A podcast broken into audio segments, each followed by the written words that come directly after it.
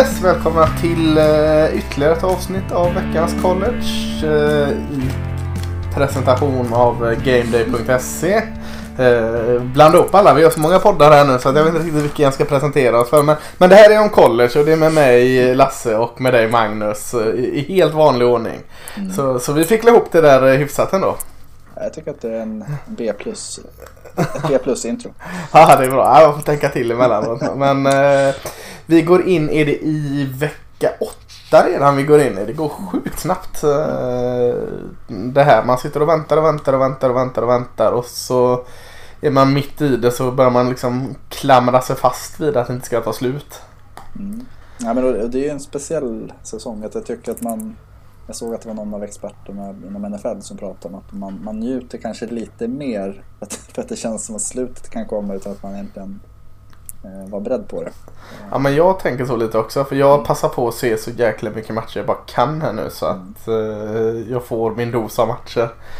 Eh, vilket är farligt för jag kan springa in i matchväggen här ganska snart men eh, eh, väldigt trevligt också.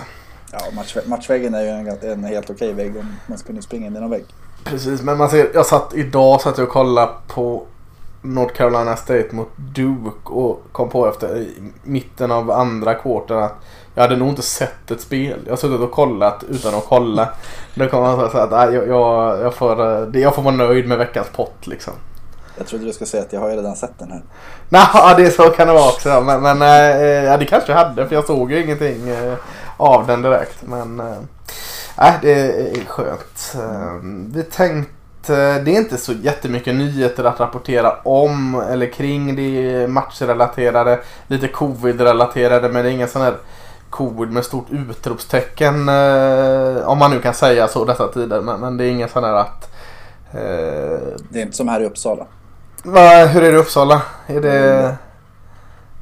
Ja, värst i Sverige just nu. Tror jag. Är det så illa alltså? Jag får köra en omväg. Jag ska åka upp till Stockholm här nu i helgen. Jag får, får åka... Du tar ju en omväg om du, om du åker via Uppsala. Så ja, precis. Jag tar... Kom inte hit. Jag struntar Nej. i omvägen då.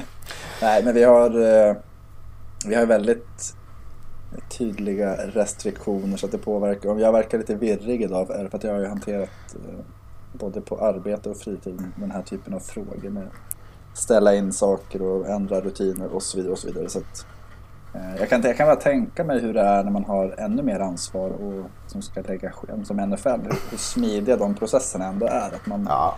man måste imponeras ändå av att det, det finns en lösning på att ta med fan allt. Verkligen. Eh, jag skyller också på, på det om jag är snurrig. Skylla på så, sällskapet kan man alltid Ja, vi kör på det. Eh, men, men eh, så mycket nyhetsväg tänkte vi inte ge er. Matcher, återblickar och framblickar är nyheter gott som annat. Stor nyhet är ju såklart att vi har två ytterligare konferenser som går in i tävling här nu och det är Big Ten och det är Mountain West. Så vi ska titta lite snabbt på dem. Och sen eh, gå vidare och eh, kolla vad man kan se i helgen helt enkelt. Så att, eh, ganska standardavsnitt men stanna upp lite på de två nya konferenserna och välkomna dem in i, i college-säsongen 2020. Mm. På tiden. Eh, ja, Apropå att du inte har gått in i matchvägen så två konferenser till att Precis, men jag har lite tänkt så också att jag ser till att kolla upp alla SSI-lag här nu så att jag kan ta en liten paus från dem ett par veckor och, och kolla Big Ten och Mountain West här nu. Så, uh, ja, ja, klok tanke. Jag vet inte om jag kommer uh, jobba så. Vi, vi, vi, vi får se. Uh, veckan som gick. Uh, vad ska vi börja med det? Tycker du någon match som, som du känner poppar upp i ditt huvud direkt? Jag sa ju det att som sagt efter en, en lite bökig vecka så att det, det smälter lite ihop. Men när jag väl börjar tänka så så ramlar det ner. Jag tänker att vi kanske kan börja i Memphis. Eh, I Memphis? Ja, ja oväntat låt... men Nej, låt höra. vi pratade lite om dem, eh, att Memphis kanske var lite rostiga och så inför, var det Houston de mötte och vann? Mm, ja, det var SMU. SMU förlorade. Ja, de förlorade, ja, precis. Ja. De, spelade, de spelade helt okej. Okay, jajamän, Men nu lyckades de ju pulverisera, fel ord egentligen. Men Vinna knappt. Ja, fast jag tänker sättet man gjorde det på. De låg ju under ganska stort när det var eh, kort kvar. Ja. Eh, och de gjorde alltså, vad var det, 36 poäng i andra halvlek. Ja, det är imponerande. Då var det 12 raka matcher utan vinst mot UCF dessutom. Jajamän, de har ju varit deras eh, stora. De möttes, har ju mötts typ sista gruppspelsmatch, eller grundseriematchen och sen i finalen två Ja. tre gånger de senaste åren. Och UCF har ju liksom lyckats vinna varje gång. Ja. det såg ut så här också. Det... Dylan Gabriel, quarterback i UCF, hade en fantastiskt fin match. Ja. Eh, Fem touchdowns, ingen interception, eh, 14,3 yards per försök, 71 procent. Men snäppet värre var ju faktiskt Brady White. Ja, Eh. Sex touchdowns och noll interceptions. Eh, Inte lika vassa siffror i övrigt, men han var ju bättre i det som räknades. Och just den här inte jag, förmågan att faktiskt göra mer poäng än UCF. Är, det har de ju saknat tidigare år. Det har sett ut ungefär som det har gjort tidigare. Att UCF Ja. har runnit iväg och runnit iväg och runnit iväg och sen har de vunnit med 15 poäng i slutet. Nu, ja.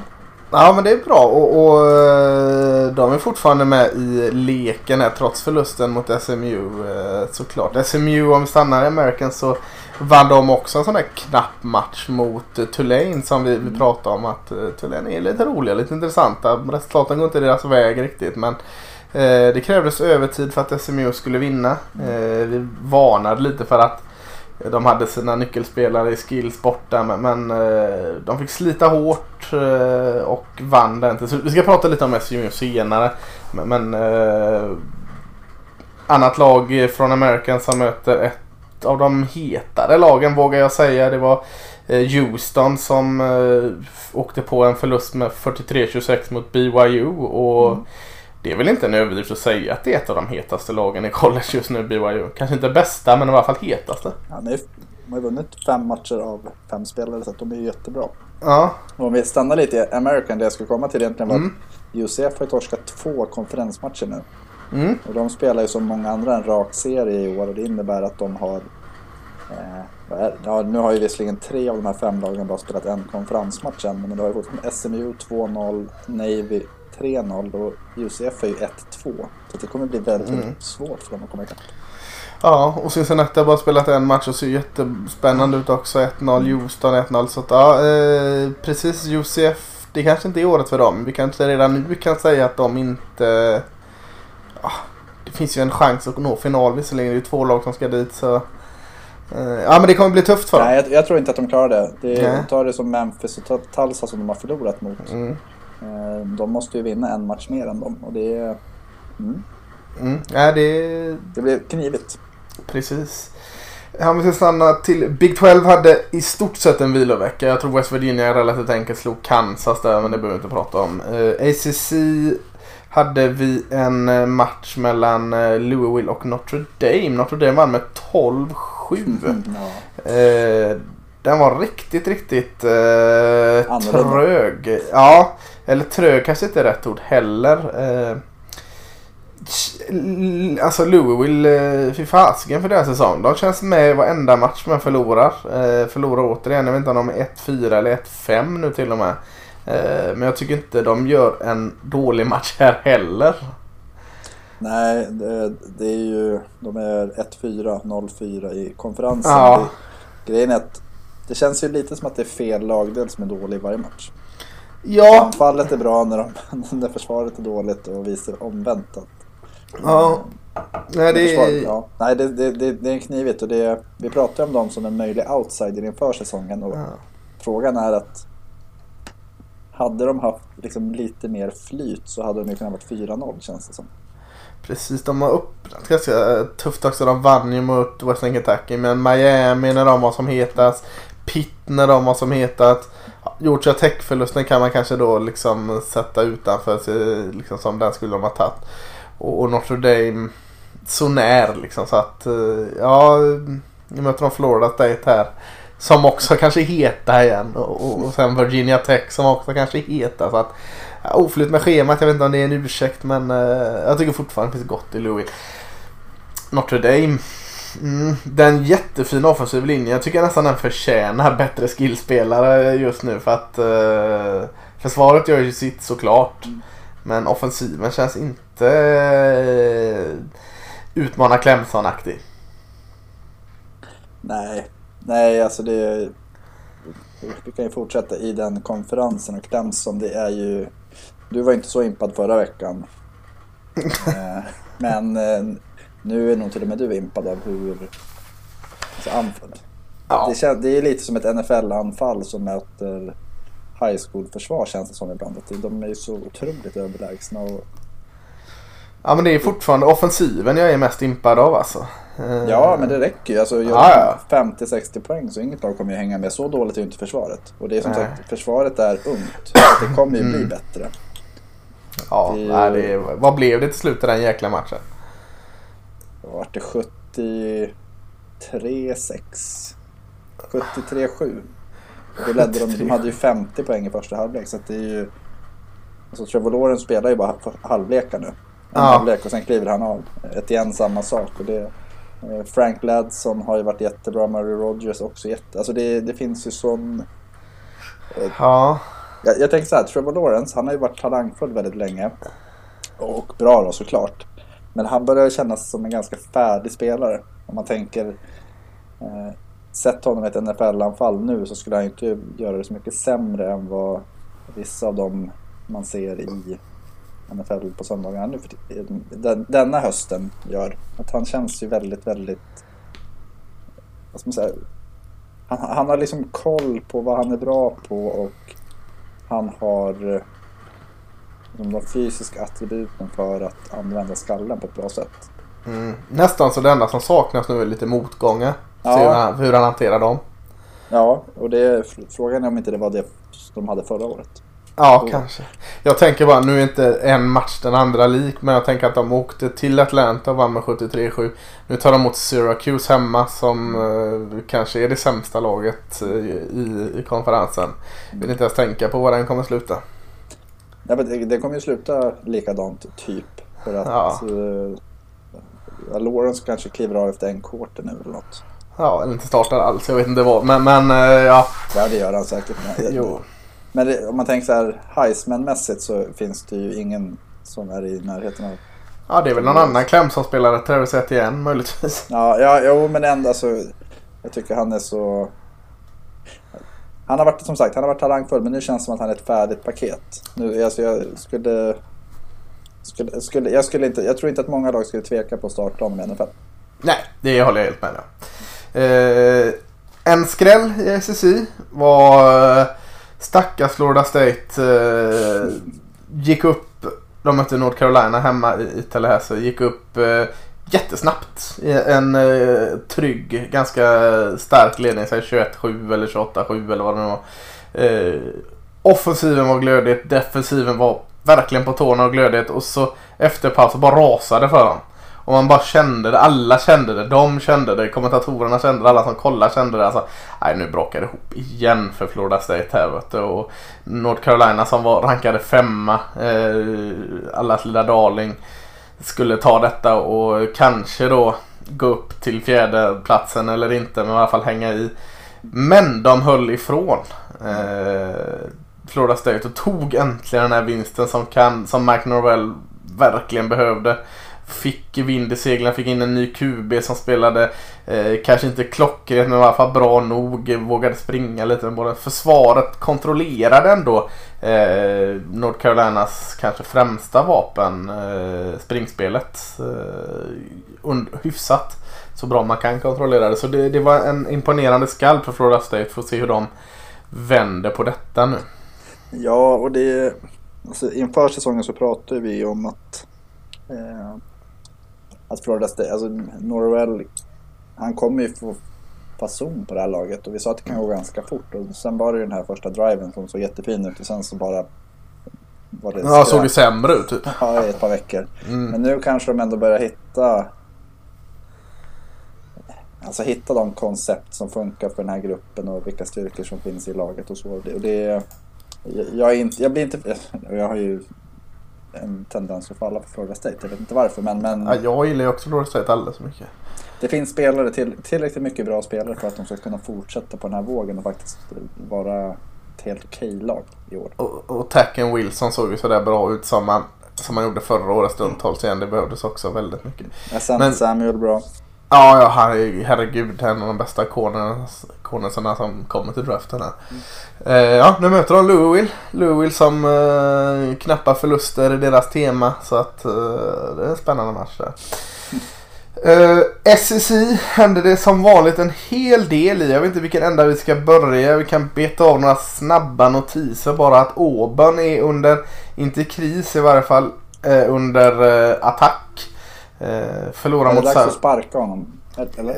Ja, det är väl snacket jämt. Eh, Kanske. Jag vet inte om jag ska lasta honom för denna eh, Bonik såg så bedrövlig ut, quarterbacken här. eh, Stressad och oerhört slarvig. Eh, Fast det känns ju som att det varje år är någonting som är dåligt. Ja, Alltså, jag men, förstår jag menar? Att det, det är, de har inte haft springspel.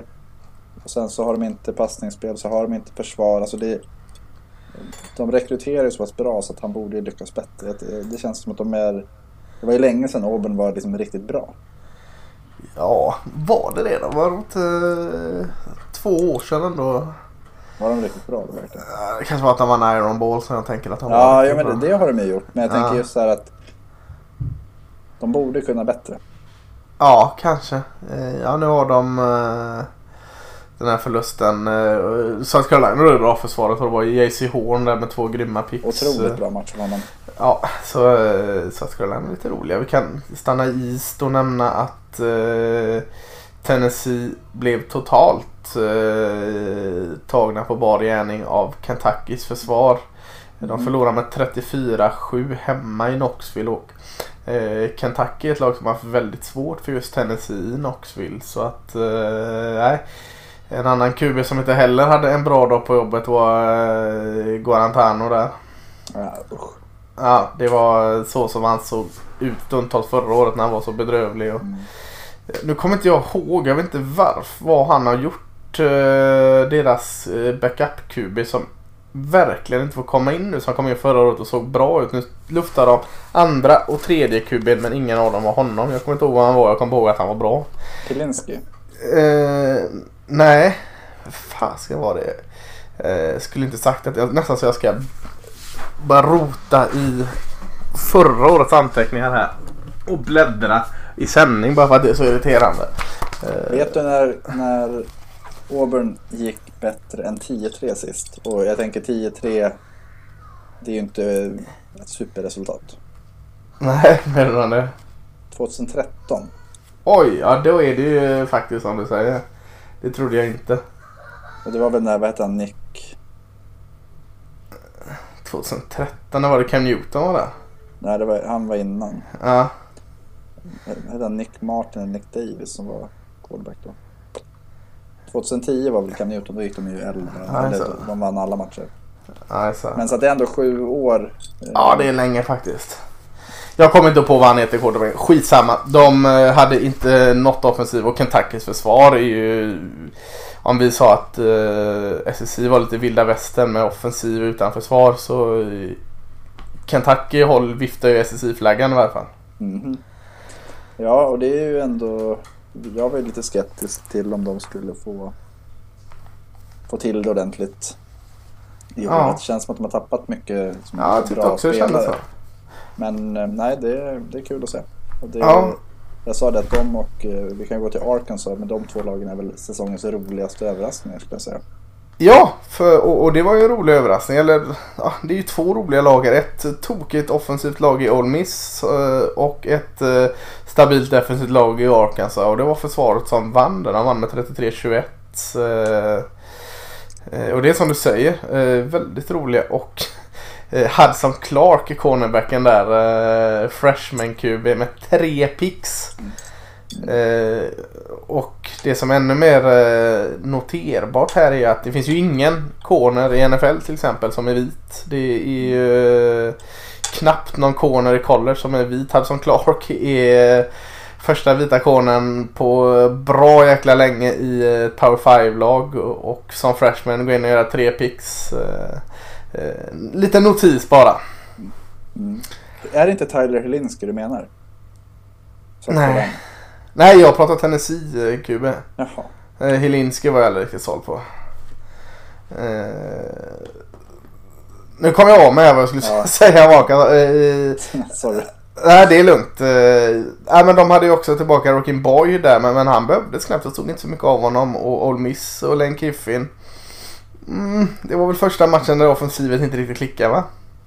Ja, det, han hade ju den här gubbvikningen på sidan väldigt många gånger när eh, Matt Corral tog, tog dumma beslut. Att han liksom vek, vek från höften och liksom la huvudet i gräsmattan nästan. Ja, Eh, så han- hans frustration var ju extremt tydlig och det är det är lite kul att se. Eh, och det, det är ju någonstans det Kiffin, jag kommer ihåg så här FAU när han kom dit så hade de en jättefin första säsong och sen när det börjar knagla lite då kan han inte, liksom, han, han kan inte få räta skeppet. nej. Säger man så? Eh, jag vet inte, jag är ingen sjöman. Men, men Nej, nej. eh, det låter väl bra att rätta upp skeppet. Ja. Nej, Ja. men och, och sen så hamnar han ju någonstans i, i, alltså i negativa spiraler och det blir ju väldigt intressant att se nu att de har ju varit kul och bra och lite så men de har ju inte levererat här jättemycket. De är ju fortfarande 1-3. Ja. Och det gäller ju det an- andra laget där också. I Ja, Mississippi med Mike Leachs eh, ej närvarande offensiv. För det är ju så det är just nu. Det där air raid systemet. Det var ju bra mot LSU. Men eh, sen dess har man inte sett röken av det. Nej, alltså det är ju nästan plågsamt att se dem. Ja, jag känner så här liksom. Ja, först tänkte jag så här, vad roligt. Varför kan inte mitt Texas ta Leach så det händer saker. Just nu känner jag verkligen att äh, det. Ja precis. Texas A&M vann 28-14. Eh, Kändes som de hade kontroll från minut ett på den matchen. Eh, behövde inte göra så mycket. De behövde inte imponera ens. Eh, De har ett bra fungerande springspel och en bra offensiv linje. Och ett försvar som inte behövde ta ut sig riktigt för att kontrollera Mississippi State. Nej, och här, var- Kalen Hill var väl inte med ens va? Eh, var han inte det? Nej, Det jag tror att det var utan honom och det var ju lite anmärkningsvärt för att han hade ingen skada eller så. Man vet ju inte vad... Det spekulerades väl i, nu har inte jag följt om det har dykt upp någonting efteråt men eh, det spekulerades i att det var något, någonting med, med eh, Leach och Hill. Mhm, han får skulden. ja, förmodligen. Nej, men det kan ju till exempel vara att eh, varför springer vi inte bollen eller någonting. Ja, ja, så kan det ju ha varit. Men nu sprang Eh. de 20, 20 gånger för 0,1 yard. Minus 0,1 yard. Ja, nej den, den är... Det är tufft för Mississippi-lagen just nu. Stora matchen eh, på förhand Georgia mot Alabama. Eh, en halvlek var den spännande matchen. Första halvlek. Det känns som de bästa lagen i landet just nu. Clemson eh, lägger vi åt sidan så länge. Eh, men alla andra lagen hänger med. De bästa lagen hänger med en halvlek mot Alabama. Och så tänker man ja, men eh, kan nog bli bra detta. Och sen gör Alabama Eh, Clemson gör lite tvärtom. De lägger i högsta växten i eh, första halvlek och sen vilar de andra halvlek. Alabama eh, puttrar igång lite trögt i första halvlek. Och så sen eh, ser Nick Saban lite röd ut i ansiktet. Och så eh, drar de i turbon i, i andra halvlek. För så var det här med. Ja, och vi kan ju bara säga att Nick Saban fick ju coacha. De testade honom typ tre gånger på typ ett dygn. Ja, Eh, Och så fick han klartecken. Och nej men det, det, det är väl lite det vi, vi pratade om inför. Att ett bra anfall som kan, kan vinna på olika sätt kommer alltid, kommer alltid vara favoriter mot ett bra försvar. Att det, Mm. det, du ja i måste college i göra- varje fall. Vad sa du? Ja, i college i varje fall. Ja, ja men alltså det, du måste ju göra anpassningar och här var det ju att uh, Najee Harris sprang med bollen 31 gånger på 152 yards. Det Alltså fem gånger per försök. Det, är- det är jäkligt jobbigt att, att eh, stoppa det. Mm. Eh, och försöker man stoppa det då kommer de här... Det? och Smith och... Ja, ja, men då, då kommer ju passningsspelet istället. Mm. Och det är väl det som någonstans är det svåra med årets Alabama. De hade ju Jalen Waddle, han snittar alltså sex mottagningar och snittar nästan 27 yards per mottagning. Eh, Devonta Smith och John Mechie hade ju 15-16 yards per mottagning och de hade samt tillsammans 14 mottagningar. Alltså, det är... Mac, vad heter han? Mac Jones. Ja, mm, quarterbacken. Mm. Han är ju så pass bra på att hitta den djupa bollen och på att hitta lägen där de kan skapa efter mottagning. Så att det blir väldigt, väldigt svårt för motståndarna att eh, liksom centrera och stoppa Najee Harris. Eh, Och det Mm. krävs ju att du har ett riktigt, riktigt, en riktigt stark defensiv linje för att göra det. Och det är ju inget lag i, i college som har det riktigt. Nej, eh, så känns det i alla fall. Och det är intressant att de två just nu, jag skulle säga överlägset bästa lagen är där man fortfarande har lite frågetecken på försvaret men där offensiven är ingen som hänger med dem i Clemson och Alabama. Eh, så det, det är noterbart tycker jag. Eh, har vi någon nu pratar vi väldigt mycket om matcherna här tillbakablick. Det blir så. Vi känner att eh, vad har vi att prata om? Och så pratar vi jättelänge om dem. Har vi någon mer match som vi glömde att prata om? Kommer inte, Nej, det tycker Kom. jag inte. nej, då kommer inte på någon direkt. Då, Nej. då är det inte värt det. Eh, ska vi kolla lite? Ska vi bara kolla Mountain West som kommer in här då i, i spel. Eh, brukar vara två divisioner. Mountain heter den ena va? och West heter den andra. Stämmer det? Mm, stämmer. Ja. Och nu har de gjort precis som ACC och slått ihop det så att det är en division eh, som eh, alla lagen är. Och de spelar åtta matcher. Eh, jag tror de har en utanför divisionen, eller det har de. För jag vet en del av dem möter ju BYU här. Eh, vad, är det någon som hotar Boise State här? Ja, kanske. Alltså, det enda jag ser som möjligt tycker jag är Wyoming. Ja, du tror på dem? De, de, de, har, de har varit bra över tid skulle jag vilja säga. Eh, På ett sätt som... De här lite mindre skolorna så brukar det vara, om man tänker Boise, det som gör dem unika är att de ofta har bra lag. Att de kan ha den kontinuerligt liksom, fina trupperna som kan spela ganska likvärdigt. Andra lagen som tar Fresno, Colorado State, Hawaii, San Diego State. San Diego State är möjligtvis det lag som kommer närmast. Nu, har väl de, nu är Mm. de tillbaka till Brady Hope va? Jajamän. Eh, ny Men att- huvudtränare. Men Wyoming tycker jag är det som har mest kontinuitet och det brukar ju ändå generera att man vinner rätt mycket matcher. Och en sån här speciell säsong så tror jag att det är viktigt. Ja, eh, Air Force ska jag vilja nämna också. Så här jobbigt lag att möta de här akademilagen. Eh, de är ju det enda laget som har spelat en match också lite noterbart mot, mot eh, Navy där de vann stort. Och Mm. ha en eh, väl fungerande quarterback där, i, vad heter han, Donald eh, Hammond eller något sånt tror jag. Mm. Eh, så de lägger väl också till i den potten. Jag tror Boise State tar det. Ganska Tuffaste matchen mot BYU och den räknas ju inte då i, i att ta, ta konferensen eftersom det är utanför konferensen. Så att ja, det känns väl som de tar det ganska lätt va. Mm. Ja, men jag håller med. Det... Det är så här, Wyoming möjligtvis att... Uh... Alltså, inte vet jag, Nevada har väl... Ja, Nevada känns lite mer spännande. Eh, Offensivt eh, mycket skills tillbaka där. Så Mm. de kan nog bjuda upp det lite och det, det är roligt att ha tillbaka dem. Sist var det när eh, Colin Kaepernick var, var QB där som Mm. hände grejer där i Nevada. Så att eh, det var en bra spot. Mm. Sen Air Force, alltså det...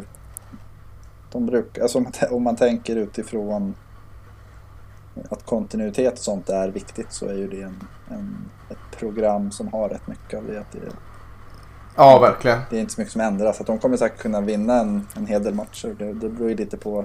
Jag har en känsla av att det blir en ganska svängig en, en svängig Mountain West i år tack vare att så de, de har inte, vissa har inte spelat match på typ ett år. Nej, nej det är faktiskt uh, väldigt sant. Eh, mm, men den, den gången, har vi någon eh, spelare, tänkte vi tar ut en spelare var som behöver inte dra en full scoutanalys men kanske som man kan lägga ett extra koll på. Ja, det finns ju det finns ju en hel del bra spelare i, i den här och det brukar alltid vara sådana som stiger och de, många av de här killarna ser man kanske inte ja, Ta Josh Allen för något år sedan, han var ju ganska Mm. omtalad inför men annars så brukar det vara sådana som ploppar upp. Mm. Eh, och jag har valt att lyfta eh, Kasavian Walladay till, säger man under luppen? Eh, Mm, kan vi köra från, från Wyoming. Ja.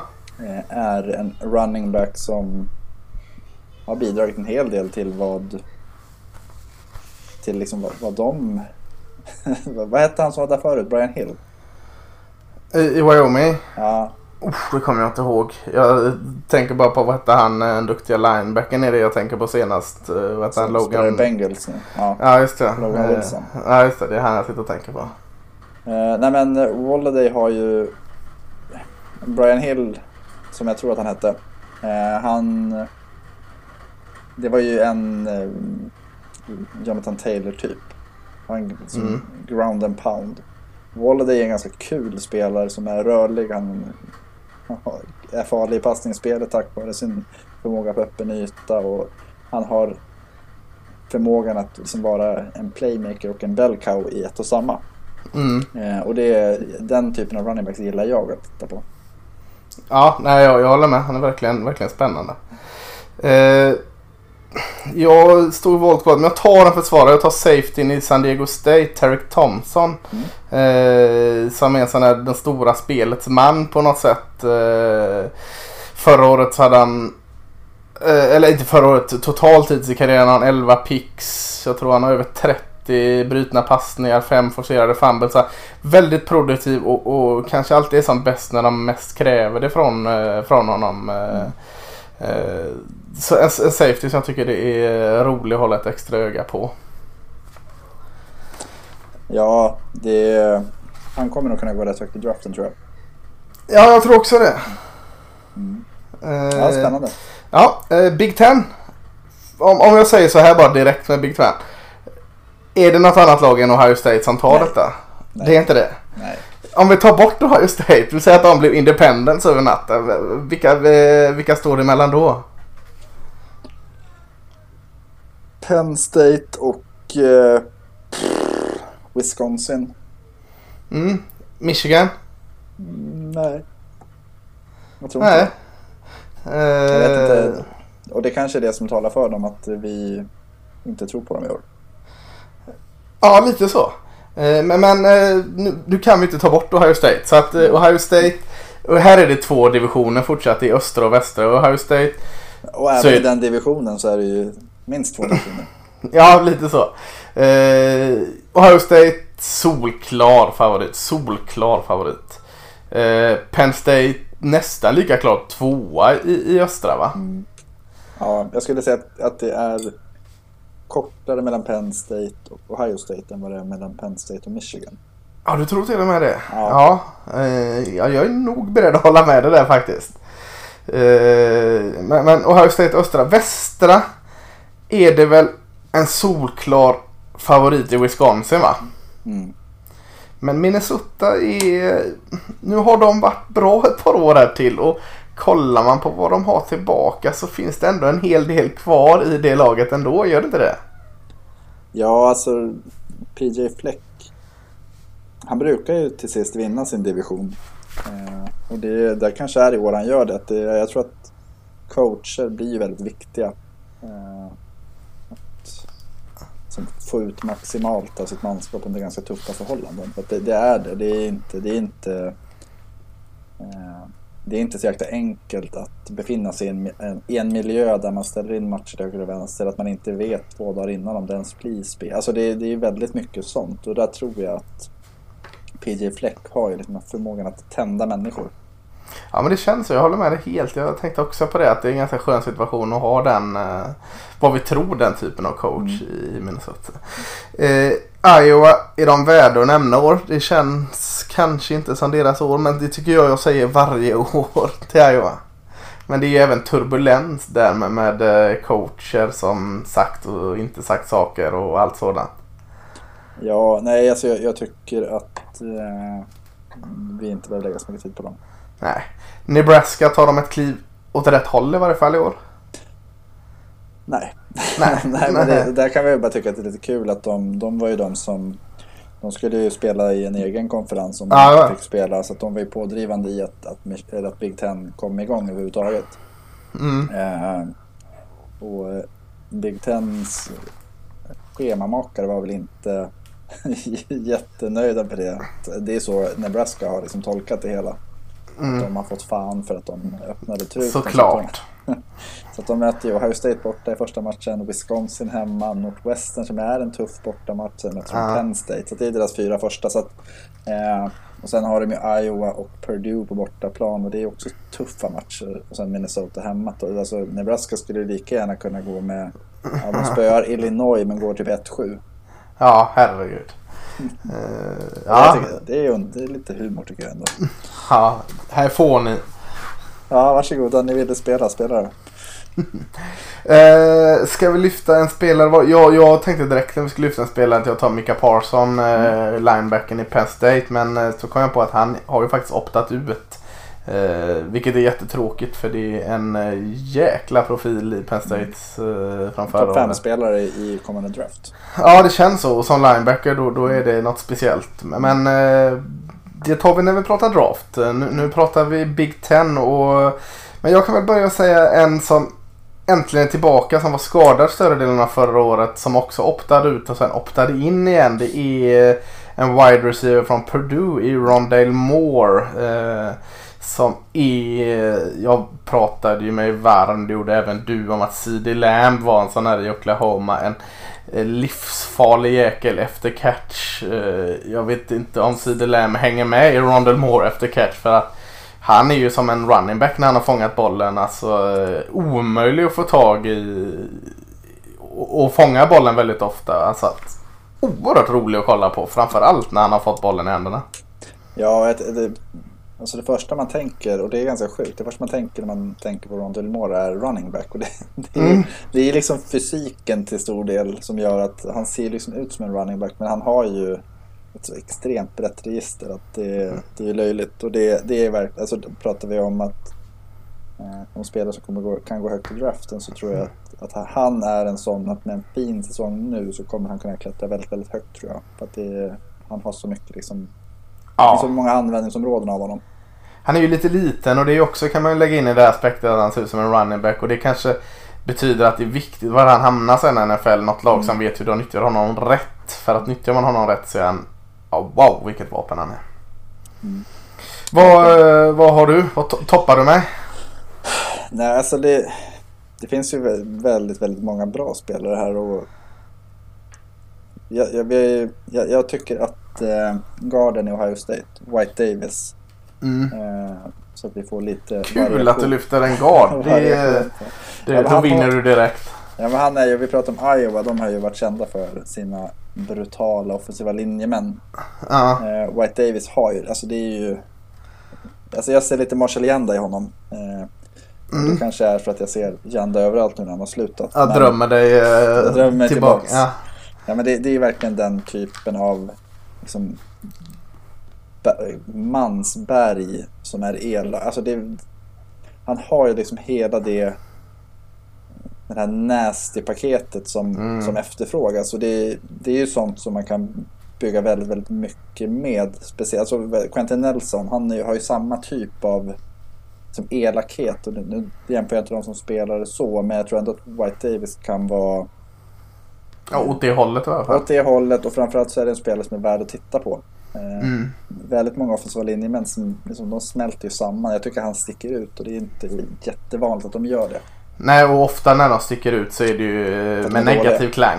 Så att eh, ja, nej jag håller med. Det är jättekul att vi lyfter honom. Ja men då, då är det i Mountain West, Boise State som vinner. Går de 8-0 så finns det väl någon form av minimal chans till slutspel men jag skulle inte säga att Nej. den är stor. Eh, går Ohio State 8-0 eh, Spelar de åtta matcher än förresten? Jo men det gör de. Eh, går de 8-0 så måste det vara slutspel. Även om eh, eh, vi har flera SSI-lag som har två förluster så slår det inte det ett 8-0 Ohio State. Tror nej, jag inte. Nej, nej. Det, det har jag väldigt svårt att se. Eh, ja, vecka 8. Eh, ska vi börja med en 18-match från Big Ten direkt för liksom att, att kicka igång oss. Mm. Eh, Nebraska åker och möter då femte rankade Ohio State. Eh, de jävlades med schemat. De får det tuffaste laget direkt. Visas på Fox. Eh, är den över vid halvlek den här matchen eller? Mm, det finns, alltså... Förmodligen så är det ju det. Men sen så tänker man ändå att nu har de haft lite tid. Frost är ju hans tredje år. Alltså för ett år, eller in, inte ett år sedan, inför förra säsongen så var det väldigt positivt där. Mm. Eh, och sån, sån positiva saker brukar ju kunna liksom ta lite tid. Mm. Blir vi jätteförvånade om Nebraska är mycket bättre än vad de var för ett år sedan? Nej, jag tänker också så att eh, vecka ett här eh, den här säsongen när SSI-lagen och det gick in så var det lite problem och för dem liksom med det här breaket. Och eh, har Ohio State problem Ja visst, Nebraska kan också ha problem med men det är tredje året som du säger med, eh, med Frost. Eh, lite mindre, det är ju ingen press den här matchen Ohio State borta. Eh, så att, ja jag känner ändå att jag är väldigt säker när jag säger att Ohio State vinner denna. Ja. M- Men eh, Nebraska kan nog komma iväg från den här matchen utan att de eh, tar upp sina högafflar i Nebraska och säger att eh, skärp nu för fan. Utan en hedersam förlust kanske kan, eh, kan de skrapa ihop ändå. Mm. Ja, men alltså Frost är också en så kallad inspiratör. Ja, Och nu har han ju kunnat spela på det här i två, tre månader. Att ingen tror på oss, vi ska ha blivit bestraffade, bla bla bla. Ut och kör. Och då handlar det egentligen om talangen finns eh, till viss del, inte i samma utsträckning som hos Ohio State. Men kan de ha en, en gameplan som, som jämnar ut oddsen så absolut, det finns en chans. Men eh, nej, jag tror också att det kanske är 95% chans att Ohio State vinner.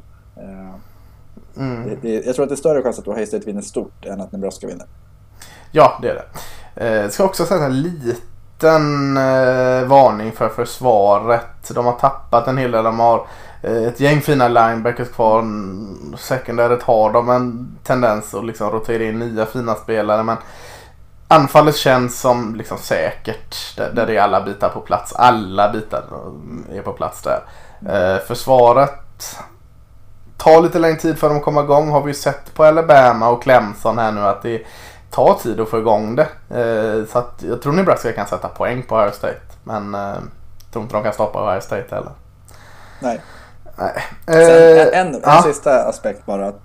Eh, förra året så var J.K. Dobbins väldigt, väldigt mycket i anfallet och det kan ju vara någonting. Att antingen så kommer vi få se ett, ett anfall som är lite knackigt eller så kommer vi få se Justin Fields vara jättebra.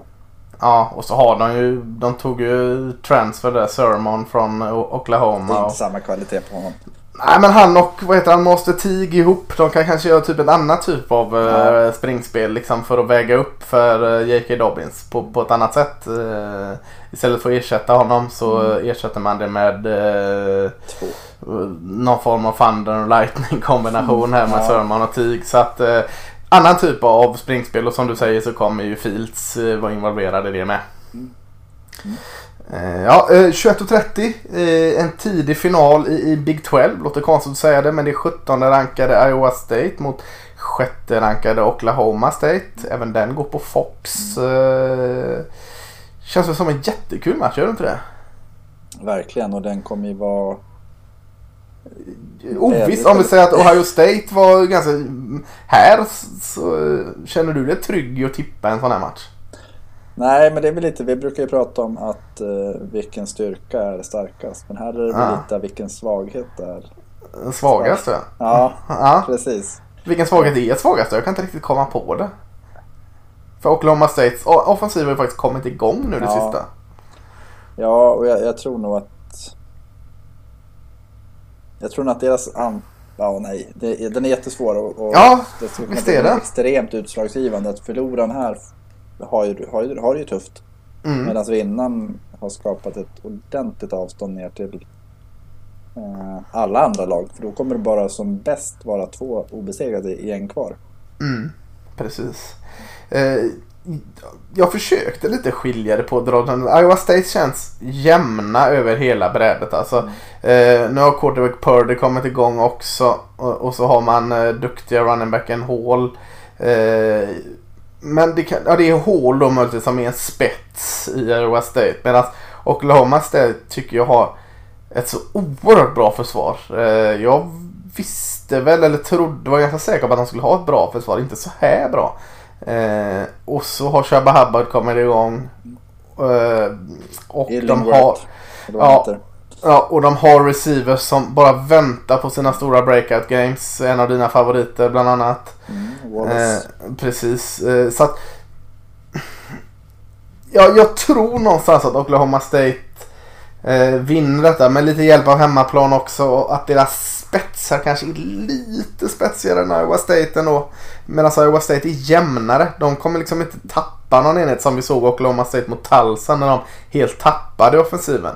Iowa State tappade inte, McCampbell tappade inte någon, någon eh, liksom match så. Men, Nej. men de kanske inte kan lägga gasen i botten som eh, jag ska inte säga att McGandy kan det men, men Oklahoma State kan på det sättet. Eh, ja den är svår men jag tror någonstans Oklahoma State. Eh, jättekul running back fight där mellan Shabba Hubbard och, och Hall såklart. Två av landets mest sevärda running backs. Ja, jag, ja nej, men jag, jag är nog inne på samma linje samtidigt. Jag, jag, jag håller en liten extra tumme för Iowa State. Ja men det kan jag nog säga att jag gör också. Nej men uh, li, de är ju fortfarande lite en underdog i de stora eh, lagens dans där uppe. Eh, och, och sådana gillar man ju. Nej, men det känns ju som att det är rätt år att faktiskt eh, prestera på en hög nivå när Oklahoma och Texas har mellanår. Mm, om vi säger så att Iowa State vinner denna och så vinner de resterande. Den förlusten de har är mot, var det Louisiana Radiant Cajun va? Jajamän. Är man, har man en chans på slutspel då? De brukar väl vara lite så här nådiga, räkna Ja. bort en Nej, jäkla framförallt förlust. när det är i början. Ja, första matchen där ovisst. Alltså då, det handlar ju lite om... Såklart handlar det om vad, ja precis. Men vi säger Clemson eller Bama cementerar vi där och Ohio State. Ja, det är tufft ändå alltså. Ja, men låt säga att... Eh, säg att Oklahoma går rent nu då. Mm. Resten. Då finns det ju en viss chans att de eh, får spela en final. Och då möts de och Iowa State vinner den. Slår de igen ja, just det. Ja, då är det inte omöjligt tror jag. Nej. Eh, De har ju Texas borta. Det även om inte Texas är där de kanske vill vara så är det fortfarande en någonting Absolut. Som, en liten fjäder i hatten. Och då har de spöat Texas borta, Oklahoma State borta, de har slagit Oklahoma två gånger, TCU borta. Ja. Eh, så att, ja, absolut. Och, det, och så får man titta lite på att Oklahoma var rankad när de slog dem. Oklahoma State är sjätte rankad när de slår dem. Alltså, de har, vinner de nu, då har de slagit två lag som är topp 10 rankade. Ja, ja det är faktiskt starkt alltså. Ja, så att det är Ja. absolut, de har god chans då. Eh, sen tror jag inte att de kommer gå obesegrade, men ja. Nej, men, men eh, roligt att, att kolla på det i alla fall. Eh, ytterligare 21.30 match. Eh, ytterligare på Fox, Fox Sport One här. Det är åtta rankade Penn State som åker och möter Indiana i Bloomington. Eh, jag tänkte att vi tar med den här matchen för jag får en liten sån här skrällkänsla av den här matchen på något sätt. Eh, Penn State såklart bättre. Eh, men jag tror många sover lite på Indiana i år just för att de inte har varit så mycket att, att eh, lägga energi och notis kring innan. Eh, men de har ganska mycket rutin och playmakers tillbaka på varje sida och de tar hela tiden rätt steg. De har en jätterolig wide receiver i Hop Fillier. Eh, bra linje. Eh, bra spelare i försvaret kvar. Jag håller nog, eller jag håller Penn State som favorit men det är något i mig som känner att fan Indiana kan nog göra det här. De kan i alla fall göra det svettigt för Penn State här. Eh, ja, och då är frågan om det handlar om deras styrka eller att det är en första match efter ett långt avbrott. Ja, jag tror kombinationen. Ja. Nej, men det är som du säger lite att de har ju... De, känns ju som ett nästan-lag. Ja men visst gör det. Alltså, jag tycker de har successivt blivit byggt och blivit bättre och bättre och inte någon panik. Det är ingen press och det Indiana behöver inte vara, bli sådär jättebra snabbt. De har kunnat jobba lite som Minnesota har jobbat i, i västra. Eh, Att Peyton Ramsey har lämnat för Northwestern är ju ett... Ja det tycker jag är synd för men de ville väl inte köra på honom va? Nej, nej det vet Nej. jag inte. Men han, han var ju ändå rätt bra förra året. Ja, ja jag håller med dig. Men det, ja, jag vet inte. När vann de senast mot ett... De to- förra året torskade mot Ohio State, Michigan State, Penn State och Michigan. Det var de fyra förlusterna de hade. Ja. Eh, 2018 förlorade de mot Michigan State, Ohio State, Iowa, Penn State. Mich alltså, de har väldigt, väldigt svårt att vinna mot de bra lagen. Och det, det tycker jag de har haft. Lite som eh, Texas A&M eh, i i Big Ten här. Ja, men lite så att de... Prata på det ska jag gå tillbaka till de senaste stormarna. De fyra stora. Ja, ja, okej, Michigan. State 2016. Vann han där? Då vann de. Ja, och då var Michigan State ganska bra 2016. Eh, det var innan deras dipp. Eh, Eller var det det året de dippade? Ja, det kanske var det året han dippade. Det De så vann i övertid då i alla fall. Men annars Ja. så är det ju... Ja, men det är lite som Michigan typ. Att de har väldigt, väldigt svårt att vinna mot Ja, och då de kanske bra lagen i divisionen. Och det men någonstans måste ju en sån trend bryta och varför inte nu? Nej, jag tänker Penn State saknade någon Mika Parson. Alltså som, som ledare där bak i försvaret. De har en bra eh, edge i Chaka Tony. De har en bra corner i Castro Fields. Men offensiven är, är, tycker jag inte är så mycket att oroa sig för. Clifford är tillbaka i cornern. Vad heter han? Journey Brown, running backen. Jason Owe också ett Just det. Och så, det är klart han har. Och så eh, Friermouth, eller vad heter han, Tyrenden där som är trygg och fin. Men, mm, eh, jag tror nog Penn State, eller jag, jag, Penn State vinner nog denna. Men jag tror den här kan vara bra in i fjärde kvarten tror jag. Ja, ja nej precis. Att det, och jag, jag tror att Penn State är nog ett sånt lag också som kan ta lite tid innan de... Det, det känns som att de brukar behöva en, Ja. matcher innan de är där. Sen kan de fortfarande vinna men, men det, ja. ja. Den ska bli kul att se. Ja, eh, 0-1-0-0. Eh, tänkte vi ta med en eh, Mountain West-match här. Det är i, uppe i Boise i Idaho. Utah State och komma på besök också på Fox Sport One. Eh, jag tror inte på Utah State i år om vi säger så. Eh, de har varit lite uppe och roliga och dansa ett par år här nu och med Love som och, eh, Eh, och andra bra spelare i Utah State. Har producerat mycket spännande spelare men, men i år känns det som att det är ganska tunt i Utah State och de, de får nog kämpa för att gå 50-50. Eh, eh, vad har de? De har en end, vad tror jag heter han? Henninger eller Hemminger. Och så har de en, en uh, Scarver receiver som, som jag hade lagt notiser på från förra året. Men annars... Mm. Men jag tänkte med att Boise State eh, är sånt kul lag liksom på något sätt. I svängen om Boise State. Med quarterbacken Hank Bachmeier som eh, spelade ut förra året och blev totalt krossad hela tiden. För trots att de hade bra linjemän så funkar de inte som enhet. Och nu känns det som offensiva linjen är ännu mer frågetecken. Och eh, jag tänker att det kan se likadant ut på offensiven. De har, vad heter han runningbacken? Holani va? George Olani. Ja just det, bra. Och så Khalil Shakir receiven där. Så de har eh, bra eh, skillspelare på offensiven. Men, men, eh, ja, men det känns som ett roligt lag Boise State. Alltid roligt. Ja, jag menar, det var lite det vi pratade om när vi tippade också. Att de, alltså, de har ju tappat typ hela offensiva linjen, i stort sett Mm. hela defensiva linjen. Och Mm. ändå så känns det liksom som att ja, ja, men har, vi litar till att de ersätter det. Eh, så hade vi kanske inte pratat om Utah State. Nej precis. Eh, och det är, ja, jag tror att de vinner. Samtidigt så är det ju att mm, även de här lagen kommer ju ha ju sina dåliga år och Vad fan har Boise State dåliga år? som kan göra mindre bra år. De har väl, Ja. de, 10-2 är väl mer dåligt år för Boise State. 11-1. speciellt ett år när de spelar sju matcher. Ja, ja.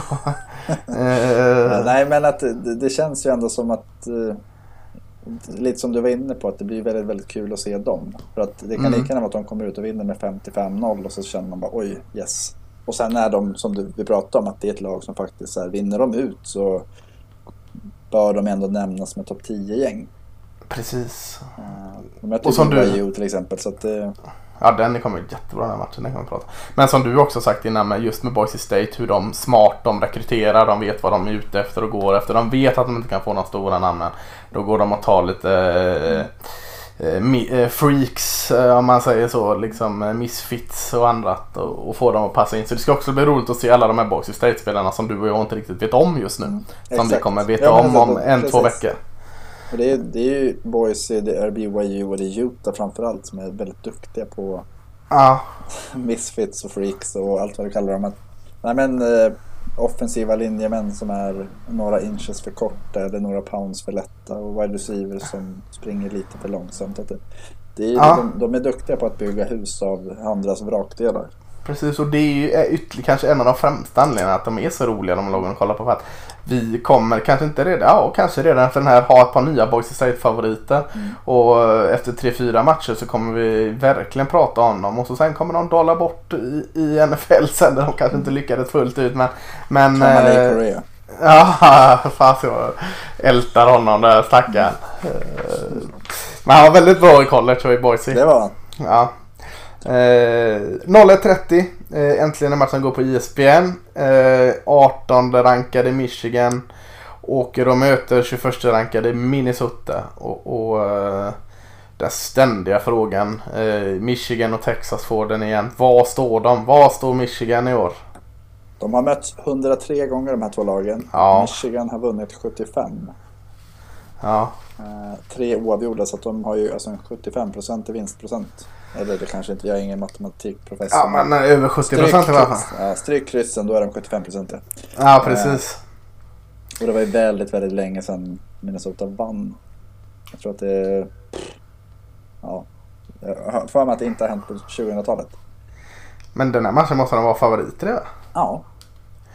Eh, för, för det kan man också ställa frågan liksom. Har Minnesota är det bästa på något sätt förbi de här nu? Har de slutat eh, nu lite och överraska och kryper tillbaka lite? Eller finns det ytterligare bensin i den här dunken?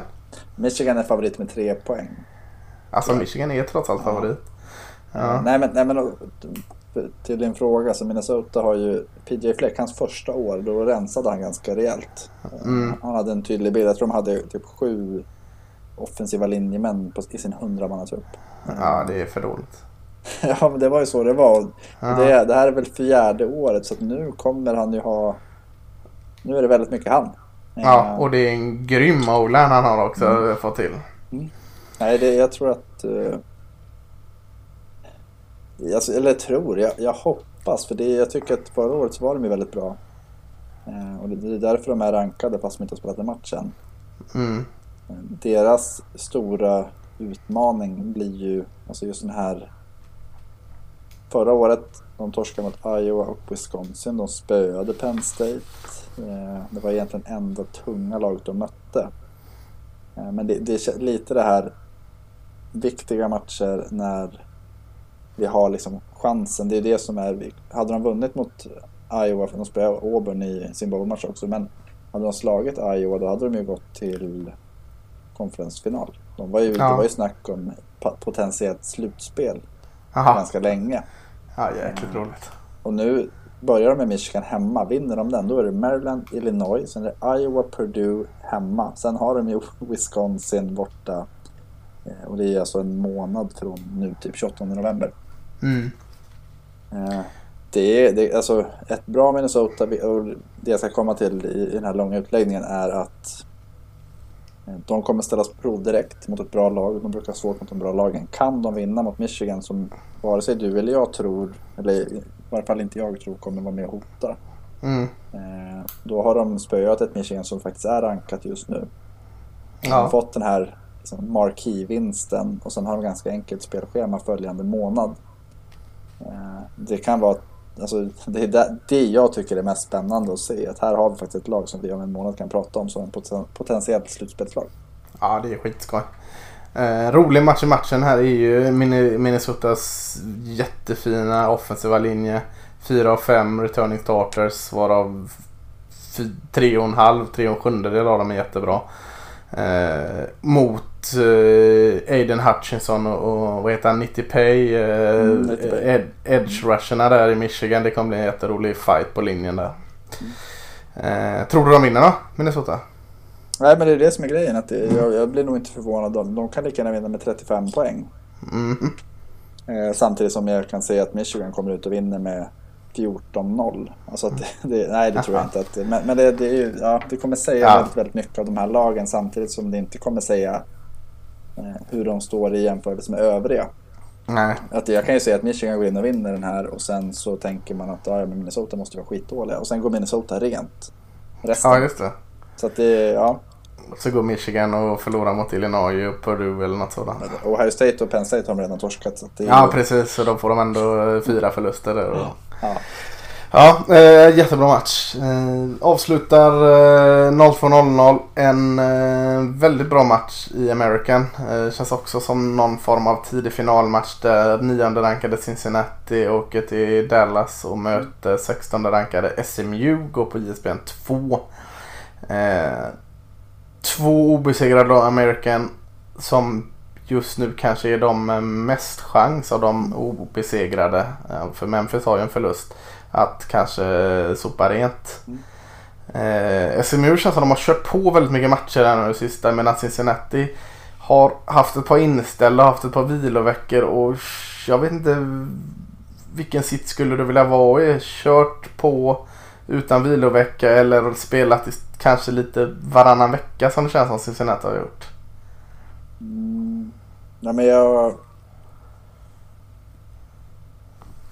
Ja, det är en jättebra fråga. Ja, eh, det är det. Det är inte så att de har haft en månads uppehåll som vi har sagt några andra har haft som vi ser som en direkt nackdel. Utan Cincinnati har ju studsat. Nu fick de en eh, match inställd på grund av eh, covid senast. Man har inte heller mött sådär jättetuffa motståndare. Man har mött Austin Peavy, man har mött ett Army som inte är så hett i år och man har mött South Florida. Eh, vi vet inte riktigt vad vi har Cincinnati väl. Men alltså SMU ändå har tuggat på och tagit lite meriterade vinster. Nej men det är... Jag, jag, alltså det, det, det som får mig att sucka lite över det här är att jag tycker inte att Cincinnatis anfall har imponerat. Nej men... De har inte varit dåliga, absolut inte. Nej. Men de har inte heller varit, alltså man tänker att SMU, där kan det gå jäkligt fort. Ja, absolut. Eh, och det är väl det som jag tror kan vara nackdelen att ha... Alltså du har inte råd att, att vakna sent i en sån här match. Sen så undrar jag lite med typ så Reggie Robertson, kommer han till spel? Det är en väldigt, väldigt viktig pjäs. Nej, han är borta säsongen ut Ja, jag. ja, ja just det.